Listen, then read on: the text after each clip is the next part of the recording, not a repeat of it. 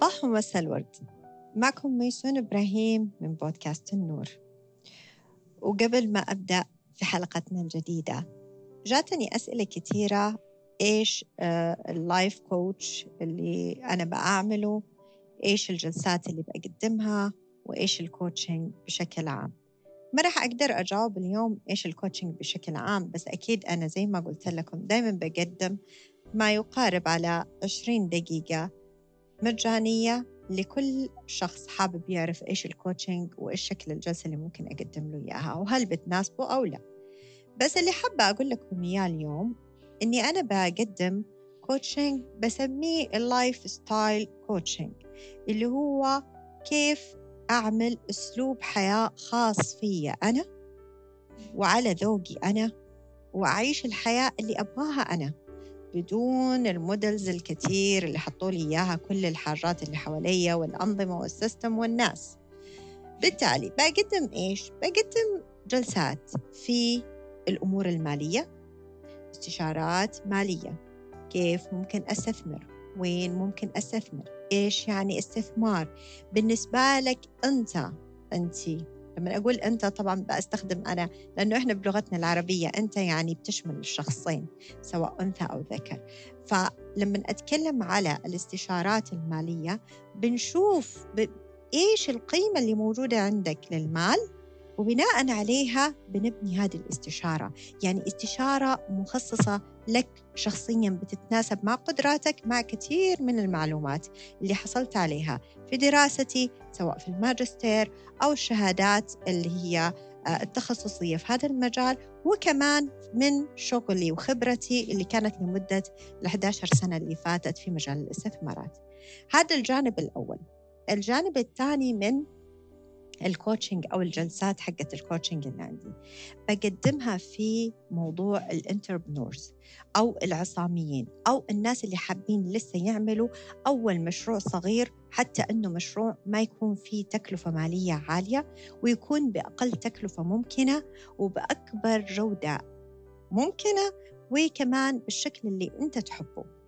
ف وكثير عندي الحمد لله من الناس اللي تابعوا معايا وصلوا لمشاريعهم ونجحوا فيها من البيت ابتداء وانتهوا الآن صارت عندهم آه، محلاتهم التجارية الخاصة فيهم أو محلاتهم اللي هي موجودة أونلاين. هذا بالنسبة للأشخاص العصاميين بساعدهم أنه يعملوا الخطة وأنه يلتزموا فيها وأنهم يوصلوا بنفسهم لأهدافهم. وإحنا في هذا الطريق بنسقى الكثير من الحاجات لأنه كل شيء مرتبط بكل شيء في الإنسان. الحاجة الثالثة اللي بقدم فيها واللي أنا مهتمة فيها واللي اليوم حلقتنا حتكون عنها هي استشارات في المجالات اللي هي العلاقات الشخصية. سواء علاقاتنا الشخصية اللي هي مع شريك الحياة أو علاقاتنا التي لا تنتهي في حياتنا من عوائلنا أسرنا أخواننا ولا أبنائنا آبائنا وأمهاتنا أصدقائنا زملائنا في الدوام مدراءنا ومجتمعنا. لأنه إحنا كائن اجتماعي وبنكون دايما عايشين في مجتمع ورضينا أم أبينا عندنا علاقات. فأنا كمان بقدم استشارات في العلاقات بشكل عام وفي العلاقات الزوجية بشكل خاص. منذ سنوات كان يا مكان في ميسون وفي سعيد.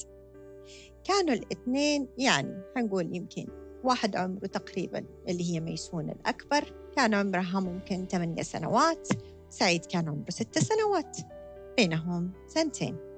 اللي صار كانوا بيلعبوا كل weekend بيصحوا ما شاء الله زي الساعة. الساعة 6 الصباح على توقيت المدرسة. الاثنين نشيطين حتى اليوم. ومن ديك السنوات الطويلة كانوا يصحوا ويقوموا وتبدأ رحلتهم السحرية. من الألعاب للتخييم للرحلات كله في حوش كده صغير ولكن بيملأوا الكثير من الخيال. وكانوا من الليل يتفقوا بكرة وين حتكون رحلتهم؟ يا ترى حيروحوا يخيموا ولا حيكونوا بيطلعوا الجبال ولا حيكونوا في الطيارة رايحين لبلد تانية؟ كل دي الأفكار بتتخمر من الليل وبنصحى الصباح الساعة 6 عشان نبدأ ننفذها. كل واحد عنده شنطة صغيرة اللي هي حقته اللي بياخدها ال breakfast box ولا whatever اسمها. الشنطة الصغيرة دي اللي بنحط فيها أكلنا فطورنا لما نروح المدرسة. وحقيقي كنا نصحى ندخل على المطبخ نبدأ نحط الأشياء اللي نحتاجها لرحلتنا على حسب نوع الرحلة. وإذا كنا رايحين في خيالنا للجبل ولا كنا رايحين عشان نخيم في الصحراء بناخد معانا كمان معدات الإسعافات الأولية. Could you imagine ممكن تتخيل إنه بناخد ميكروكروم معقم قطن شاش وأكيد أهم نقطة عند كل طفل في ذاك العمر البلاستر اللصقة الصغيرة اللي لما ينجرح بيلصقها اللي كنا نتمنى دايما إنه ننجرح عشان نلصقها. وكنا بعدها بناخذ كل شيء معنا كانت الأجواء دايما في الرياض في الفجرية بتكون حلوة بغض النظر عن فصل الصيف أو الشتاء. في الشتاء كانت بتكون أبرد وفي الصيف كانت بتكون مقبولة. فبالتالي إنه إحنا لما نقوم الساعة 6 الصباح نعم نقدر نجلس برا في الحوش. ولأنه بابا الله يرحمه كان يحب كثير الزرعات كان في حوالينا زرع كثير بكل الأشكال في بوتات الزرع أو اللي هي آه، الصيص الزرع وفي كمان أحواض الزراعة المختلفة وفي المساحات الكبيرة اللي مرة ذكرت لكم إياها اللي قدام الصالون حقنا أو المجلس. فكان في مساحة كبيرة هناك كمان فيها مزروع نخل وكثير كثير من أنواع الزرع للزينة وكمان للاستخدام المنزلي. المهم يومها كنا مقررين إنه حنروح رحلة جبلية. وبالفعل طلعنا على الحوش كان عندنا مرجيحة كبيرة. وهذه المرجيحة فيها كرسيين كده مقابل لبعض فكنا نقدر نحط عليها زي الخيمة ونحط حوالينها زي الأشياء وكأنه إحنا حنتسلقها sometimes وأحيانا بنستخدمها خيمة. فكانت هذه المرة حتكون هي الجبل اللي إحنا بنتسلقه. وكان لازم نحط حوالين الجبل زرع. كانت كده الفكرة. فرحنا جبنا البوتات حقت الزرع وحطيناها حوالين المرجحة المهم وإحنا بنلعب من هنا لهنا. فإحنا الاثنين كنا راكبين طلعنا الجبل اللي هو المرجحة وبدأنا نتمرح في الجبل. آه ولما تحركت المرجحة من الطرفين إحنا مقابل لبعض اللي صار إنه خبطنا في واحدة من القصيص حق الزرع طاح وانكسر. بابا طبعا كان صاحي لأنه بابا الله يرحمه يصحى بدري. كان داخل يمكن بي بي بيشوفنا من بر من جوا أو يمكن ما كان بيشوفنا كان بيقرأ جريدته. بكل الأحوال اللي صار إنه الصوت كان عالي جدا إنه يخليه يتنبه ويطلع يشوف إيش اللي صار. هنا وقفت ميسون وقف سعيد معها. وبابا كان سؤاله الطبيعي أي شخص أدلت أو كبير أو بالغ عاقل حيجي يشوف حاجة حيقول أول شيء دايما بنقول آه أنتوا أوكي تعورتوا. بعدين بنقول مين اللي سوى كذا علشان أحيانا بيتم المحاسبة أو المعاقبة على حسب. عموما بابا الله يرحمه كان من الناس الحليمين الهاديين. ممكن يكون في عقوبة صح؟ بس حتكون عقوبة متناسبة مع الخطأ لو كان في خطأ حقيقي. فتم السؤال مين سوى كده؟ وهنا الصديقين الأخوين اللطيفين اللي دايما بيقضوا كل weekend رحلات مع بعض انقلبوا ضد بعض. وصارت الخطاب هو لا هي.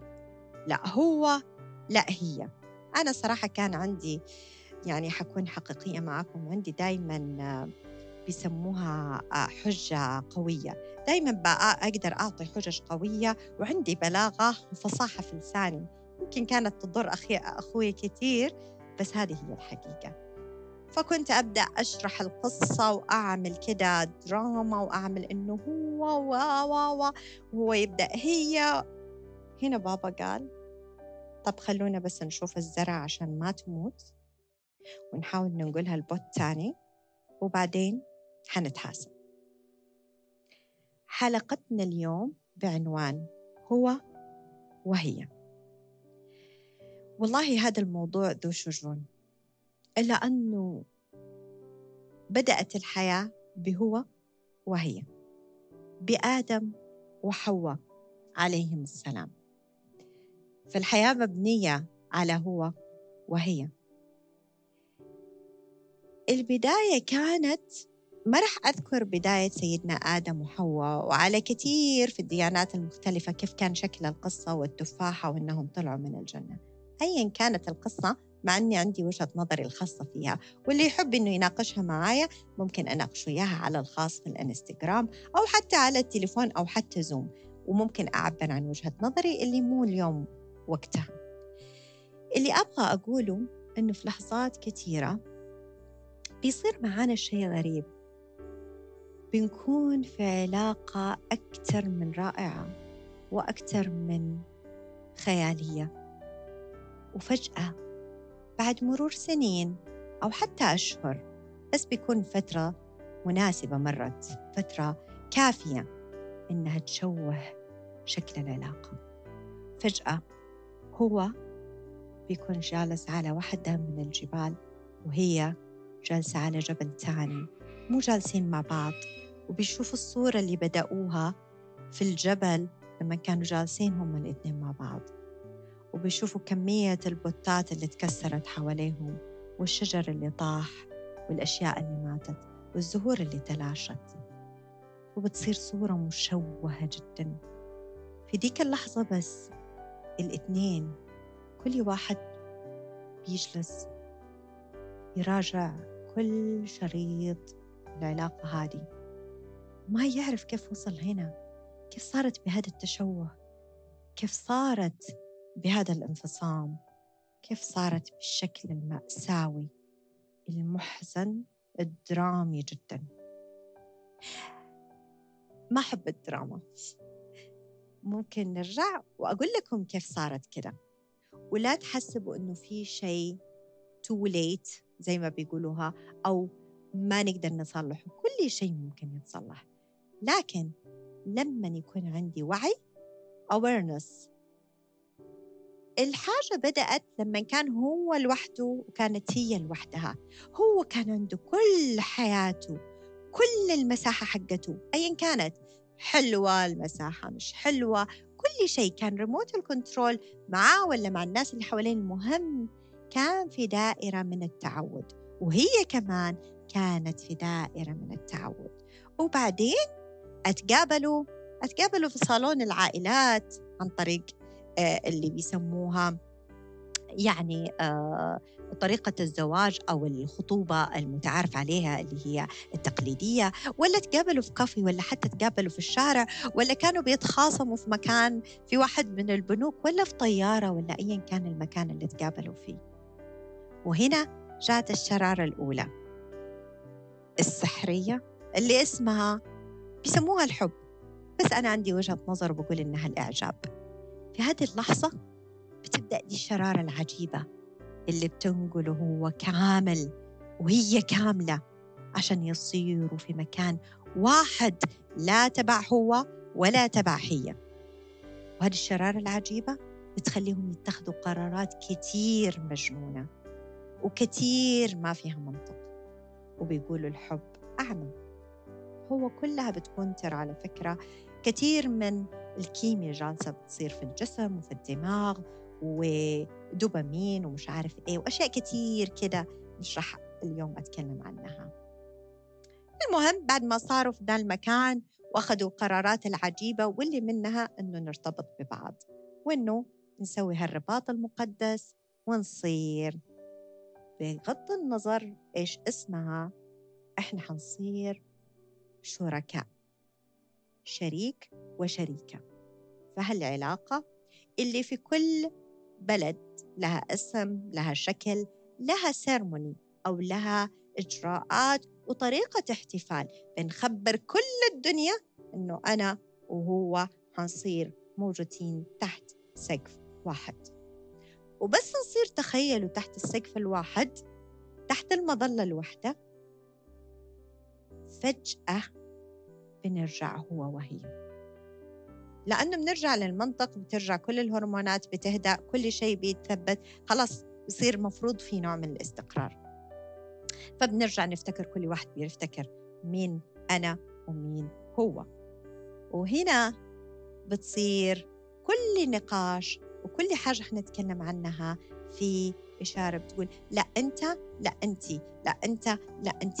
أنت المسؤول لا أنت المسؤولة. أنت اللي لازم تسوي لا أنت اللي لازم تسوي. أنت اللي لازم أنت اللي نسيت أنت اللي نسيتي. ليش ما فكرتيني؟ ليش ما فكرتني؟ أنا كل شيء لا أنت كل شيء. ليش إحنا؟ وتبدأ هنا الحوارات. اللي بتوصل باختصار لأنها على حوارات يعني آه، سطحية وحوارات عميقة بتوصلني للشكل المشوه اللي ذكرناه من شويتين. طيب اليوم إحنا جايين نقدم حلول ونقول إذا إحنا حابين نطلع من الصورة المشوهة ونفضل في المكان الجميل. الجميل الحقيقي الرومانسي هداك كان جميل بس هو مش الحقيقة والمشوه سيء بس برضه هو مش الحقيقة. الحقيقة أنه في حاجة اسمها بنسميها في علم الكوتشنج الثيرد انتيتي يعني المؤسسة الثالثة أو الطرف الثالث أو آه، الكيان الثالث. نعم هو الكيان الثالث اللي بيتحقق بوجودي وجوده وهو جزئية بقرر أنا أشاركه إياها من جزئيتي الكاملة وفي المقابل هو عنده جزئية بيقرر أنه يشاركني إياها من جزئيته الكاملة. فكأن دائرتين قررت أنها تتداخل في النص فتعطي جزئية ثالثة. هذه هي العلاقة. فلما أنا أبغى أنه العلاقة يفضل شكلها سليم صحي لا يعني أن تنتهي الخلافات. لأنه إحنا زي ما أنتم شايفين دائرتين مختلفين تماماً.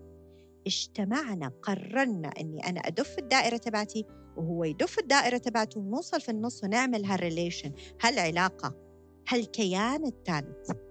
الكيان الثالث بيحتاج إنه نتكلم ونصير إحنا. نحن. العلاقة. فبتبدأ العلاقة تقول أنا أحتاج. فطول ما أنت وهي انت وهو بتشيروا لبعض أنتم مش جوة العلاقة. كيف أقدر أصير جوة العلاقة؟ لازم أطلع برا الدوائر لازم أطلع برا الإيجو. الإيجو مهم لكن لازم يكون بتوازن. الكبرياء حق الإنسان مهم لأنه هو اللي بيحافظ على إنسانيته. هو مخلوق عشان يحافظ علينا لكن بتوازن. هو مخلوق عشان نعرف حقوقنا لكن بتوازن. فلازم نطلع برا الإيجو برا الدوائر برا كل شيء ونطالع من برا. نرجع نشوف النص اللي قررنا إنه نشاركه البعض. نرجع نقرر إنه إحنا العلاقة ماذا تحتاج من هو وماذا تحتاج من هي. هنا أول خطوة لعلاقة صحية.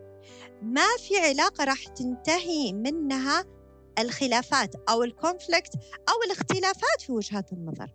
ولكن الاختلاف في وجهة النظر لا يفسد للود قضية. هذا مو معناته أنه الود ينتهي.